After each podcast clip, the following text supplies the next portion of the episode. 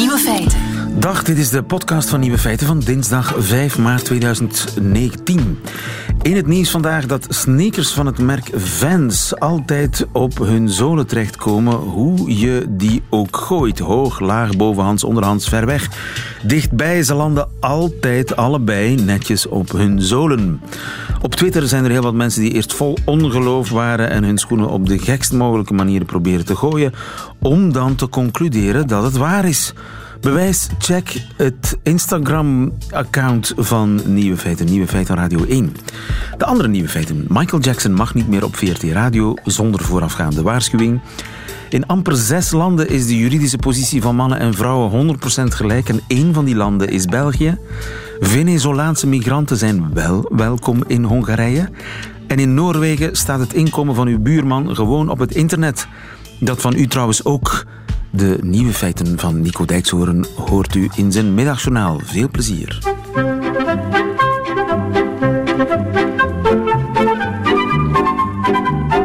Nieuwe feiten. Mochten we nu in Noorwegen zijn, dan wist ik tot op de cent precies hoeveel u verdient. Maar troost u, u zou het ook van mij weten. Want de Noren die hebben kennelijk een website waarop iedereen kan zien hoeveel iemand verdient. Marcel Burger, goedemiddag. Goedemiddag. En het nieuws is, ze zijn daar eigenlijk ongelukkig van geworden. In Ja, Noorwegen. Ja, het is eigenlijk niet fijn om te weten hoeveel uw buurman verdient. Zeker niet als hij meer verdient dan u. Hè. Dan, eh, dan word je daar eigenlijk heel erg verdrietig van. Ja, maar jij bent onze man in eh, Stockholm, Zweden. Hoe zit het daar? Ja, in Zweden is het ook te zien eh, hoeveel uw buurman verdient. Vrienden, het is een paar jaar geleden ingevoerd. Vrienden hier die, die vonden dat heel geweldig. Die dachten, allee, dan kunnen we van iedereen gaan kijken ja, wat ze verdienen. Eh, een van mijn eh, vrienden hier die zei van, allee, kan ik eindelijk zien wat mijn ex-man verdient. En, eh, want ik haat hem en ik wil dat ik meer verdien dan hij. Dus er waren best wel veel emoties hierbij. Alleen het verschil in Zweden is, je moet er een paar euro voor betalen om het te kunnen zien. Aha. Maar daarna kun je ook echt alles zien. Dus alles, alle vastgoed wat iemand heeft, alle verenigingen waar iemand bij zit. Eh, je kunt sowieso de verjaardagen zien, wanneer iemand jarig is. Je kunt eigenlijk heel veel zien. En ja, de Noren, het nieuwe daar is dus dat eh, blijkbaar die, die inzichtelijkheid in die inkomens, die, die ze daar ook hebben, dat het dus mensen helemaal niet blijer maakt. Maar daar bestaat het al heel lang. Ja, sinds 2001 zijn ze daarop bezig. En eh, er is nu echt een onderzoek geweest naar, oké, die inkomens zijn inzichtelijk. Heeft dat effect op mensen? En eh, het blijkt dus echt een soort ja, pesten komt daar ook vandaan. Eh, mensen die dus minder verdienen worden eigenlijk uitgelachen. eh, door, door hun collega's en op scholen waar hun kinderen komen. Van ja, uw papa die verdient maar eh 5000 euro minder dan ik. En dat, is natuurlijk belachelijk. Dus die, die ongelijkheid in die samenleving tussen de inkomens, die wordt eigenlijk meer socialer, meer zichtbaar, omdat mensen het kunnen zien. En mensen hoeven daar niet voor te betalen. Die website is vrij toegankelijk en is heel populair naar het schijnt. Ja, soms zelfs populairder dan YouTube of eh, de jaarlijkse trek van de rendieren die in Noorwegen altijd live wordt uitgezonden. Dit, dit is beter dus blijkbaar, betere kijkcijfers krijgen ze hierbij dan, eh, dan bij dingen waar je het eigenlijk van zou verwachten. Maar waarom hebben ze dat ooit ingevoerd? Ja, openheid eh, van de samenleving. De belastingkantoor van Noorwegen uiteindelijk een keer online. En toen dachten ze van, nou, dan moeten we dus maar gelijk iets, iets goeds gaan doen met onze openbare informatie. Want zo wordt het behandeld. Hè? Kijk, in, in België en Nederland is het zo... Uw inkomen is van u en dat, daar gaat u eigenlijk niet over praten met niemand. Ja, en, en in Noorwegen, ook in Zweden, eh, daar is het eigenlijk meer van... Ja, dat inkomen moet gewoon blijkbaar eh, publiekelijk eh, toegankelijk zijn. Eh, dat is een openbaar ja, toegang eigenlijk die je daardoor krijgt. En dat is het verschil tussen de cultuur hier en de cultuur in, in België. Ja, ja, dus in Scandinavië is men voor transparantie, niks weg te steken. Maar daardoor neemt de geluksongelijkheid toe. Ja, dat blijkt dus nu uit een onderzoek wat een, iemand van de universiteit in Amerika heeft gedaan in, in Noorwegen, omdat Noorwegen eigenlijk toch wel voorop loopt hiermee.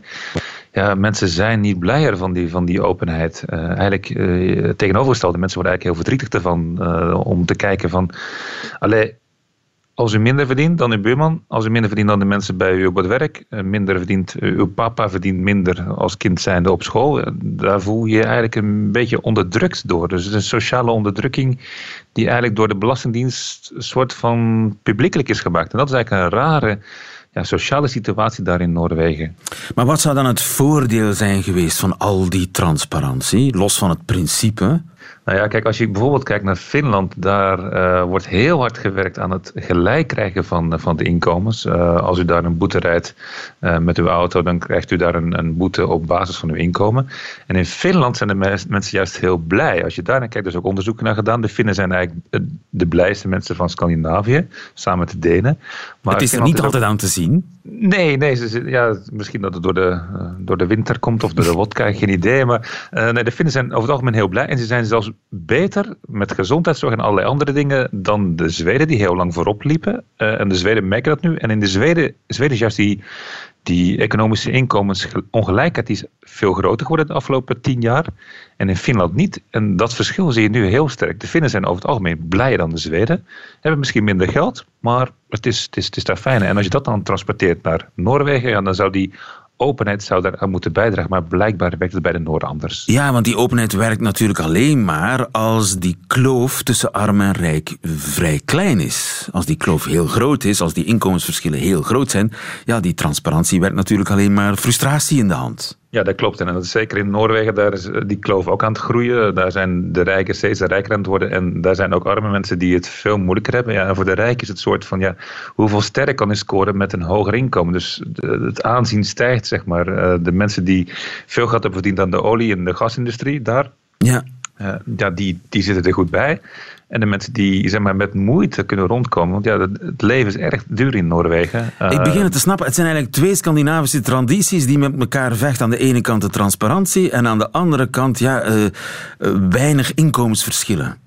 Die, Klopt. Die, die, die twee gaan hand in hand natuurlijk. Als, als je een van die tradities laat schieten, dan komt de andere ook in het gedrang. Klopt helemaal. Ja, dat is helemaal juist. Overigens, Marcel, weet jij hoeveel je buren verdienen? Heb je daar al eens naar gekeken? Uh, nee, maar ik denk iets minder dan ik. Daar wordt de mensen dan toch weer gelukkig van. Dankjewel, Marcel Burger. Goedemiddag. Goedemiddag. Nieuwe feiten. Hongarije is allergisch aan migranten, dat weet u. Maar nu vangt Hongarije stiekem meer dan duizend vluchtelingen op. Uit Venezuela. Stefan Bos, goedemiddag. Ja, hallo, goedemiddag. De Hongaarse overheid heeft asiel verleend aan 350 migranten uit Venezuela. En in Caracas zouden er nog eens 750 kandidaat-asielzoekers klaarstaan om uh, richting Budapest ja. te vliegen. Ik vind dat raar. Ja, ik vind het zelf eigenlijk ook heel merkwaardig, moet ik je zeggen. Zeker als je kijkt naar het feit dat uh, de Hongaarse regering, zacht gezegd, nou niet echt open staat hè, voor migranten. We hebben hier allemaal posters uh, gezien tegen Jean-Claude Juncker, de, ja. de Europese Commissiepresident. Dus ja, het is wel heel gek dat ze dat doen. Maar ja, ze hebben het ook in het geheim gedaan, hè? moet ik erbij zeggen. Ja, want officieel dus is... wil premier Orbán naar eigen zeggen tot elke prijs verhinderen dat Hongarije ja. toetreedt tot de club van landen met gemengde bevolkingen. Ja, ja, ja, precies. En hij heeft gezegd van ja, we moeten, eigenlijk heeft hij gezegd, we moeten een soort etnisch zuivere staat behouden zelfs. Het klonk echt een beetje uit de jaren dertig, uh, ja. die uh, uh, retoriek. Dus ik vind het heel merkwaardig en heel gek eigenlijk ook dat ze dit doen. Maar ja, ze zeggen zelf, want ze kwamen er ook niet zelf mee. Het is eigenlijk onderzoeksjournalisten die dat hebben ontdekt. Hè. Ze hebben het eigenlijk onder het tapijt geveegd. dat al die mensen dus uit Venezuela overkwamen. Maar ja, dat is is wel het geval. En uh, wat de regering nu zegt is ja, het gaat om mensen met uh, Hongaarse achtergrond. Maar ja, de vele de Venezuelanen die er nu zijn, de meeste spreken niet eens Hongaars. Dus er zijn er nu zo'n 350 en er komen er nog zo'n 750 bij, is de bedoeling. Maar de meeste spreken niet eens Hongaars. Ze hebben wel heel ver misschien wat banden met Hongarije. Maar dat is lang niet in alle gevallen zo hoor. Want het heeft er ook mee te maken namelijk dat veel van die Venezuelanen zich hebben aangesloten bij zeg maar, de Hongaarse club in Caracas. Want dat vonden ze wel gezellig, want er werd ook gedanst en zo. En via die club ja, komen ze nu hier naartoe. Dus de vraag is ja, hè, hoeveel werkelijke Hongaren of etnische Hongaren daaronder zitten. Dat zijn absoluut geen Hongaren, eigenlijk. Nee, nee, ik denk het niet. Uh, het zijn echt mensen die daar geworteld zijn. Maar ik moet er wel bij zeggen dat uh, de regering, en dat is natuurlijk ook heel merkwaardig, de regering die betaalt ook hun ticket. Hè? Dus ik bedoel, ze, ze, hun, tickets worden betaald. Ze krijgen een jaar lang uh, zelfs accommodatie. Ze krijgen leefgeld. dus ja, de Hongaarse regering is er echt heel actief bij betrokken. Waarom? Nou ja, ik denk een heel belangrijk punt is, uh, maar dat is mijn uh, inschatting. Hongarije heeft, zit natuurlijk uh, te schreeuwen om arbeidskrachten. Want Hongarije heeft altijd gezegd, nou wij doen de grens dicht voor migranten. Maar intussen zijn er 600.000 veelal jonge Hongaren ja, het land uitgevlucht in sommige gevallen. Zo kan je het bijna wel omschrijven. Want mensen vinden het politieke klimaat hier met die toch als autocratische vaderpremier niet echt gezellig. En ook de, ja, de, levensomstandigheden zijn toch nog minder dan bijvoorbeeld in België. Dus ja, die zijn vertrokken. Maar ja, dan uh, blijf je wel met de problemen zitten. Want er zijn ook intussen heel veel autobedrijven hier. En die zoeken ook naar mensen en andere investeerders. Ja, en waar haal je dan die vandaan? Nou ja, de premier zit niet te wachten op moslims. Eh, daar, daar, heeft hij, daar is hij echt op tegen. Dus nou ja, dan gaan ze naar landen zoals Venezuela, waar ze in zijn ogen wat christelijker zijn. En wat Hongaarser. nou ja, misschien, maar het is wel ver gezocht vaak. Want kijk, heel veel van die mensen zijn bijvoorbeeld, uh, sommigen zijn uh, daar terechtgekomen tijdens uh, de, de, Tweede Wereldoorlog, of daarna eigenlijk moet ik zeggen. Sommige van die mensen waren zelfs betrokken bij de deportaties van Hongaarse Joden, dus die zijn gevlucht en die kwamen in Venezuela terecht. Anderen zijn gevlucht tijdens de Hongaarse opstand van 1956. Dus, dus ja, er zijn wel wat banden natuurlijk. Maar heel veel van die mensen ja, hebben ook eigenlijk geen uh, links met Hongarije. Want ze, ze, spreken niet eens de taal. Dus dat blijft toch wel heel gek. En ze zien er ook niet Hongaars uit. Oh ja, dat is nog een, uh, een interessant punt. Uh, want kijk, we hebben natuurlijk die hele campagne, die hele anti-migratiecampagne van de regering. En dat heeft zelfs geleid, ja, toch ook tot haatgevoelens in sommige plaatsen. Ik kan je een voorbeeld geven. Toen die Venezuelanen dus hier aankwamen, uh, toen kwamen ze onder andere uh, in, een, in een dorpje bij het Balatonmeer. Daar werden ze even ondergebracht zo lang. Nou, die mensen hebben vervolgens hun uh, ramen ge gebarricadeerd en hebben de politie gebeld en hebben gezegd: er lopen hier negers rond. Nou ja, uh, die, die mensen zeiden, ja, we, we, zijn wel wat donkerder. We zijn geen neger, maar we zijn wel wat donkerder. Maar wat maakt het verder uit? Maar die mensen waren zo in paniek. gewoon omdat ze uh, ja, bang zijn voor elke migrant die daarbij, wij van spreken, rondloopt. Dat, uh, ja, dat soort dingen krijg je wel, hoor. Moet ja. ik zeggen, in sommige plaatsen. Maar toen kwam de regering die zei, dat zijn eigenlijk donkergekleurde Hongaren. ja, ja, zo hebben ze dat proberen op te lossen. Nou, uiteindelijk zijn die mensen van dat uh, Balatonplaatsje naar, in het diepste geheim naar een hotel in de buurt van Boedapest gebracht. En ze mogen overigens niet met de pers praten, hè, dat is ook zoiets. Want uh, ja, de, de, Hongaarse regering die wil dat natuurlijk geheim houden. Want uh, ja, nogmaals, ze hebben die anti-migratiecampagne. We moeten ons beschermen tegen de migranten. Maar ja, in de tussentijd doen ze dit soort dingen wel. Dus dat wordt ook door de oppositie nu gezegd. Die, die, die vinden de Orbán heel selectief. Die zeggen van ja, Syriërs komen er niet in, Afghanen, Afghanen komen er niet in, andere mensen, omdat ze dan toevallig moslim zijn en, en deze mensen wel. En wat de oppositie ook al heeft gezegd, dan moet de regering ook gewoon een boete betalen. Want het is zo dat officieel mag je niet eens migranten hier naar binnen halen als uh, bijvoorbeeld een organisatie. Hè? Maar uh, dat heeft de regering dus wel gedaan, samen met een katholieke groep, de, de Maltese organisatie. Nou ja, en dan zou je eigenlijk moeten zeggen, ja, dan moeten zij ook een boete betalen van zo'n 25 procent uh, belasting, hè, want dat staat erop. En uh, soms zelfs gevangenisstraf. Dus ja, ze, ze, eigenlijk gaan ze in tegen hun eigen wet met deze actie. Helder, dankjewel. Stefan Bos in Budapest. Goedemiddag. Tot je dienst. Altijd benieuwd. Nieuwe feiten. In amper zes landen, niet meer zes, zijn mannen en vrouwen juridisch 100% gelijk. En raad eens welk land één van die zes is. België, inderdaad. En welk land niet? Nederland. Eva Brems, goedemiddag. Goedemiddag. Professor Mensenrechten aan de Universiteit van Gent. Ja, dit is toch een soort... Ik voel me hier zwellen. En ik, ben, ik kan niet wachten om het te vertellen aan Sander van Horen, de correspondent voor de NOS in Brussel, die elke vrijdag langskomt. Meestal om eens goed op ons land ja, te, fulmineren, zal ik dat uh, proper zeggen. Mhm. uh, maar eigenlijk, Nederland scoort slechter dan België als het gaat om gelijkheid tussen mannen en vrouwen. Daar schrik ik van. Jij? Ja, we moeten dan een klein beetje relativeren. Hè. Nederland scoort natuurlijk ook heel goed in uh, die ranking waar je het over hebt. Hè. Dat is een, uh, een rapport van de Wereldbank over Women, Business and the Law, waarin ze 35 criteria hebben gebruikt die te maken hebben met gelijkheid van mannen en vrouwen uh, in het recht en ook wel met de bestrijding van, van geweld tegen vrouwen. Um, daar zit natuurlijk altijd een beetje iets willekeurig aan. Je kon andere criteria geselecteerd hebben, of meer of minder. En dan zou de ranking een klein beetje anders geweest zijn. Maar kom, het, het is heel goed van ons. Ja, 100% gelijkheid, althans dat zegt de Wereldbank. En er zijn nog vijf andere landen, Frankrijk en Luxemburg, Denemarken en Zweden en ook Letland. That's it. Dus we scoren beter dan Nederland, maar ook beter dan Noorwegen en Duitsland. Op welke punten in die landen is er nog uh, ruimte voor verbetering?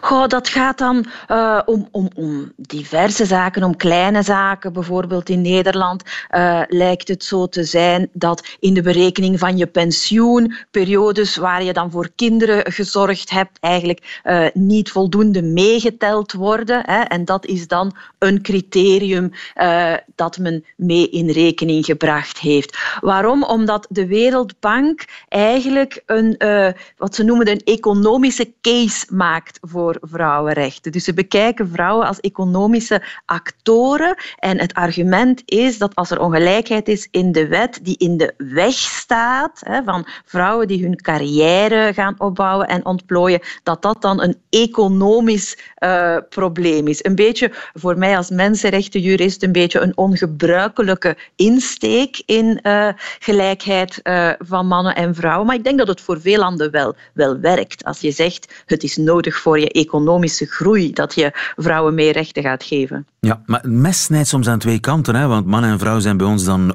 ook gelijk als het gaat over ja, zwaar werk, nachtwerk, zware lichamelijke arbeid. Ja, wel, uh, lieve, dat zal je misschien verwonderen, maar dat is eigenlijk al een oud strijdpunt uh, van de vrouwenrechtenbeweging geweest. Wij willen ook mogen afzien. Ja, je had typisch van die beschermende maatregelen voor vrouwen en kinderen vroeger, wat betreft werk in de mijnen, nachtwerk uh, enzovoort. En dat is dus vanuit een soort paternalistische houding dat je vrouwen moet beschermen, maar ook vanuit een soort mm, meer bescherming van de maatschappij, de goede zeden en zo. Hè. Zo s'nachts een gemengde werkplaats, wat gaat dat allemaal geven? Dus ook een beetje uh, dat gevoel. En de strijd voor vrouwenrechten is eigenlijk niet alleen die strijd om formele gelijkheid, maar ook vooral een strijd voor autonomie. Zelf eigen keuzes willen maken, niet betutteld worden door een overheid. En ja, dat soort dingen waar je op het eerste zicht denkt: het is toch goed als je beschermd wordt tegen uh, te zwaar werk enzovoort. Ja, eigenlijk hebben vrouwen daarvoor gestreden om dat zelf te mogen kiezen. En welke landen bengelen onderaan het peloton eigenlijk? Dat zijn eigenlijk uh, diegenen die je verwacht. Helemaal onderaan uh, is het Saoedi-Arabië die je daar uh, aantreft. En dan heb je nog wat andere ja, landen, Sudan bijvoorbeeld, de Verenigde Arabische Emiraten. ja, dat zijn Saudi-Arabië scoort maar 25 procent op die 100 procent index. Dus, dus daar ja, moet alles uh, nog beginnen wat betreft gelijkheid voor de wet. Maar ik wil toch ook graag zeggen, lieve, dat het verhaal niet stopt hè, met gelijkheid voor de wet. dus je hebt dan bijvoorbeeld een wet tegen sexual harassment op het werk en tegen huiselijk geweld. Maar er is in België nog altijd wel veel huiselijk geweld. Hè? Ja, ja. En nog veel uh, MeToo-problemen enzovoort. Dus, dus het maken van wetten is maar een eerste stap. Hè? Daar, daar begint het maar mee. En, en je moet dus eigenlijk veel meer doen. En we hadden natuurlijk als België wel slechter kunnen scoren als ze ook naar andere dingen hadden gekeken. Ik, ik zou persoonlijk bijvoorbeeld punten aftrekken van landen die nog nooit een vrouwelijke premier gehad hebben. Zou jij dat niet doen? Daar ben ik het eigenlijk wel mee eens. Dus wij staan hier maar uh, te zwellen en trots te zijn op onze 100% score op de gelijkheid tussen man en vrouw. Maar een vrouwelijke premier? Mm Nog niet gehad. Nee. Dus dat kan snel veranderingen in komen, hè? Ja, uh, dat kan. Er, er komen verkiezingen aan, dus uh, we leven op hoop, zou ik zeggen. Uh, maar het, het, gekke is dat eigenlijk ja, we misschien zelfs nog rapper een vrouwelijke koningin zullen hebben, hè, in wat toch eigenlijk een ouderwets uh, instituut is, de monarchie. Uh, dan dat we, ja, dan dat we een vrouwelijke premier hebben. Dat kunnen we toch niet laten gebeuren. Het wordt een interessante race tussen de troonopvolster en uh, de eventuele toekomstige premier, vrouwelijke premier van ons land. Boeiend. Dankjewel, Eva Brems. Goedemiddag. Ja, graag gedaan hoor.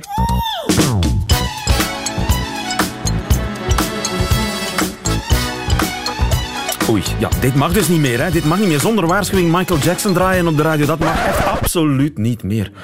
Oef, net op tijd. U zal nog weinig Michael Jackson horen op de radio. Want de VRT bandt hem niet echt, maar uh, zal hem toch nooit zomaar nog op u loslaten. Zonder omkadering, zonder erbij te vertellen dat hij beschuldigd wordt van kindermisbruik. En dat heeft alles te maken met een documentaire over Jackson. Documentaire die vrijdag op Canvas wordt uitgezonden, waarin twee slachtoffers van Jackson getuigen.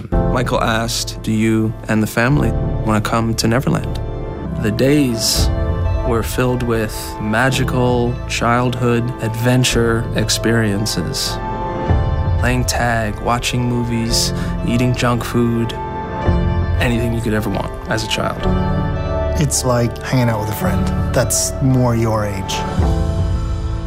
He told me if they ever found out what we were doing, he and I would go to jail for the rest of our lives. Voor altijd de gevangenis in. Dat vertelde Michael Jackson aan uh, zijn slachtoffers. Mocht uitkomen wat zij allemaal desnachts tussen de lakens uitspookten. Vrijdag de documentaire op Canvas. Marlies de Munk, goedemiddag. Goedemiddag. Marlies, jij bent muziekfilosoof van de Universiteit van Antwerpen.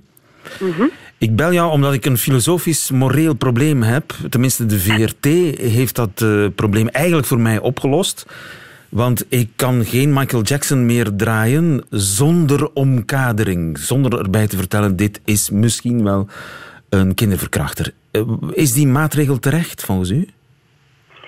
Wel, ik denk, ik denk dat je daar niet voor eens en voor, voor altijd op kan antwoorden. Um, ik denk dat momenteel, nu dat die documentaire overal rondgaat, dat iedereen die te zien gaat krijgen, is het natuurlijk heel aangewezen om niet te doen alsof men van niets weet.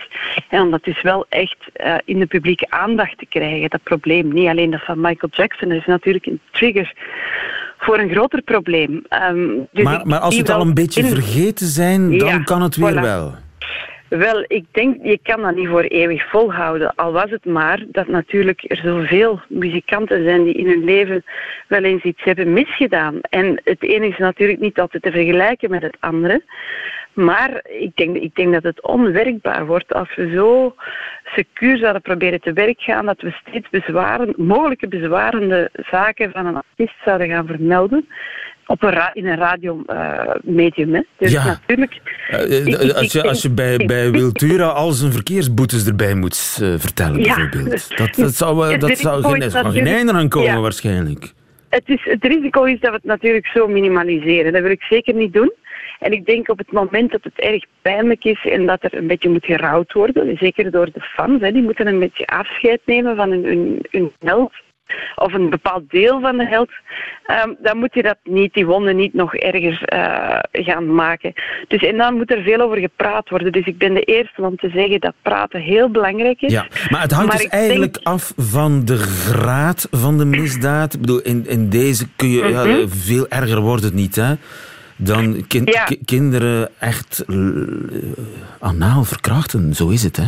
Ja, ja, ja. ja. Dus, dus het, het, laat ons duidelijk zijn, het gaat om vreselijke feiten. En ik denk dat het belangrijk is, nogmaals, om erover te praten. Maar ik vraag me af in welke mate we nu... Je moet, je moet eigenlijk zorgen dat je geen voornemens neemt die je dan uiteindelijk niet zelf gaat kunnen naleven.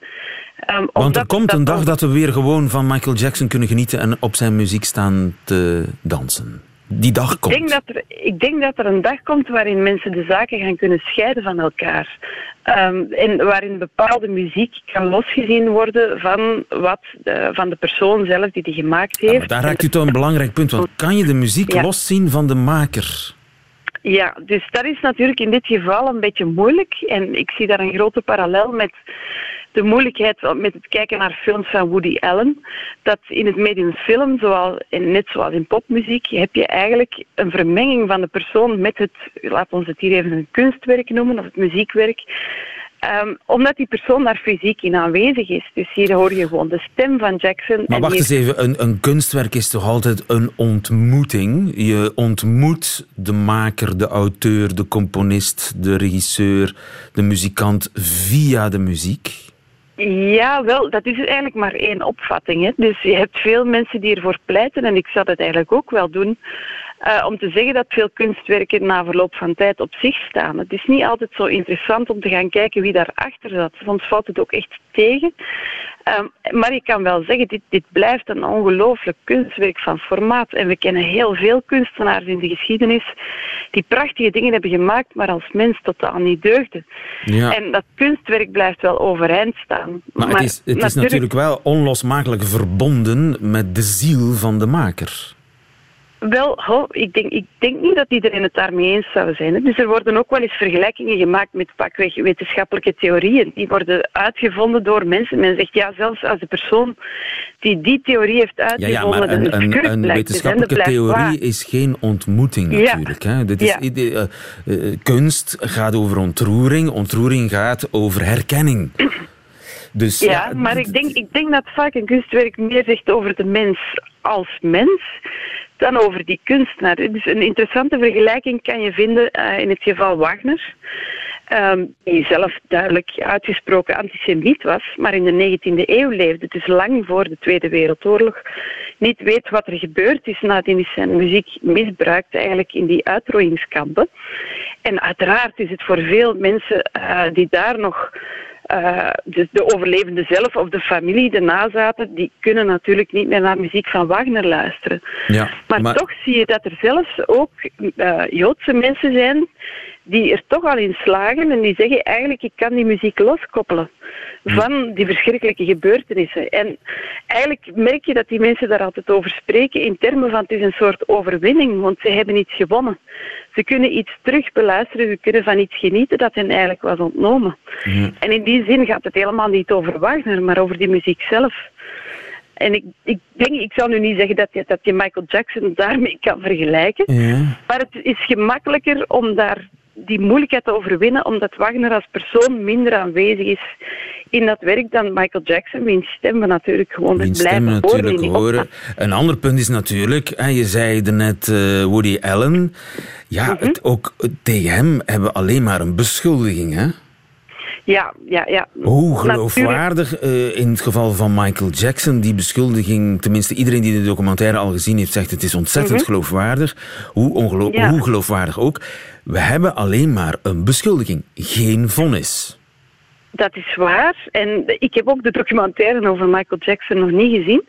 Maar ik zou denken dat uh, mensen die met een gelijkaardig trauma zitten, dus zelfs geen rechtstreeks slachtoffer zijn van Michael Jackson, zich natuurlijk ook erg geraakt voelen. Maar dat misschien hetzelfde zou kunnen gebeuren als je naar een film als Manhattan kijkt, waarin toch ook een relatie met een minderjarig meisje centraal staat. Zelfs al zouden die beschuldigingen uh, aan het adres van Woody Allen niet waar zijn, dat ook daar toch wel echt een heel pijnlijke zaak wordt aangeraakt. En dan kom je in een moeilijk vaarwater van hoeveel rekening moet je houden met de gevoeligheden van de ontvanger. Ja. Uh, er zijn zoveel gevoeligheden. Dan kom er zijn heel veel gevoeligheden en uh, ik concludeer dat u uh, achter de maatregelen van de VRT kunt staan als muziekfilosoof om voorlopig althans niet zomaar Michael Jackson op de luisteraar los te laten. Welke plaat ga ik nu draaien, Marlies? Ik heb de keuze. Ofwel Michael Jackson met Beat It, ofwel Nana Mouskouri. Want die Wel, heeft nooit iets misdaan. Ik geloof nooit dat hij iets misdaan heeft. Ik denk dat je voor nu even voor Nana Mouskouri moet kiezen en Aha. het niet erger moet maken dan het is. Maar je hebt mij goed begrepen. Ik denk niet dat je voor eens en voor altijd een grote ban moet leggen op de volledige oeuvre van een... Van een Marlies de Munk, dankjewel. En we luisteren met heel veel plezier naar Nana Mouskouri. Santa Nana, moet ik eigenlijk bijna zeggen. Un homme est venu d'une marchant dans ma rue de son pas tranquille, et moi je l'aime sans rien comprendre à mon cœur. Un jour se lève, qu'il soit le dernier. J'ai connu le miracle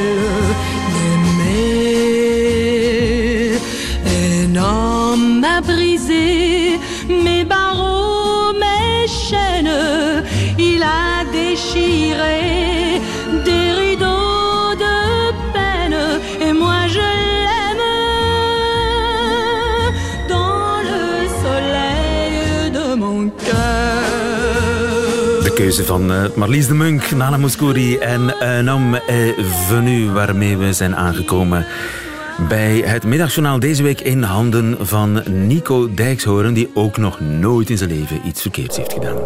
Nieuwe feiten. Middagjournaal. Beste luisteraars, mag ik eens heel persoonlijk zijn? Het gaat om het volgende.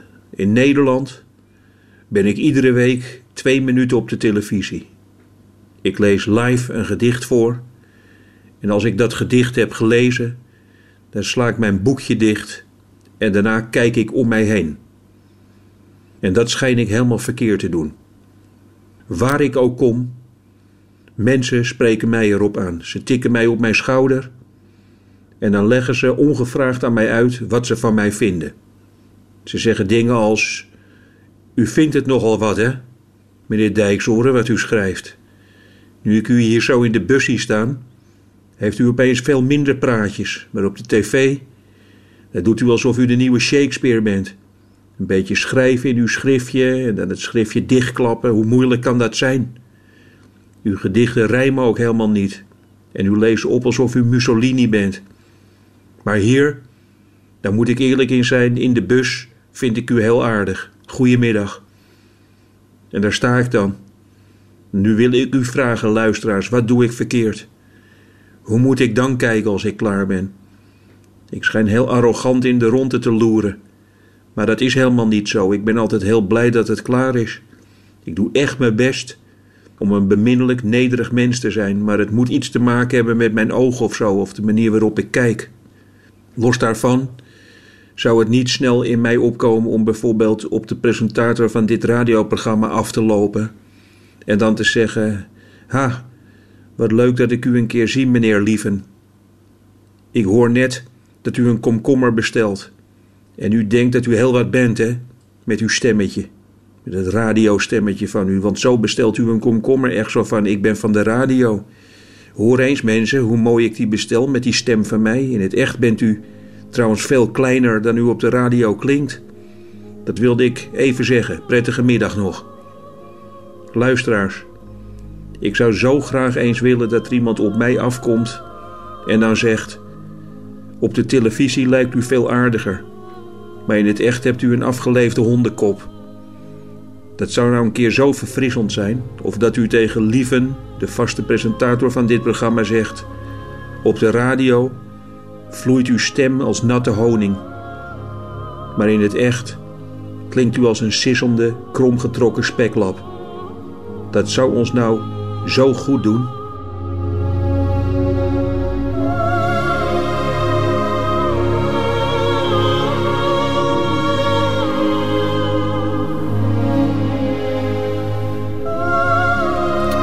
Middagjournaal met Nico Dijkshoorn. Einde van deze podcast, maar u vindt er nog veel meer op radio1.be of op alle gebruikelijke podcastkanalen. Tot volgende keer.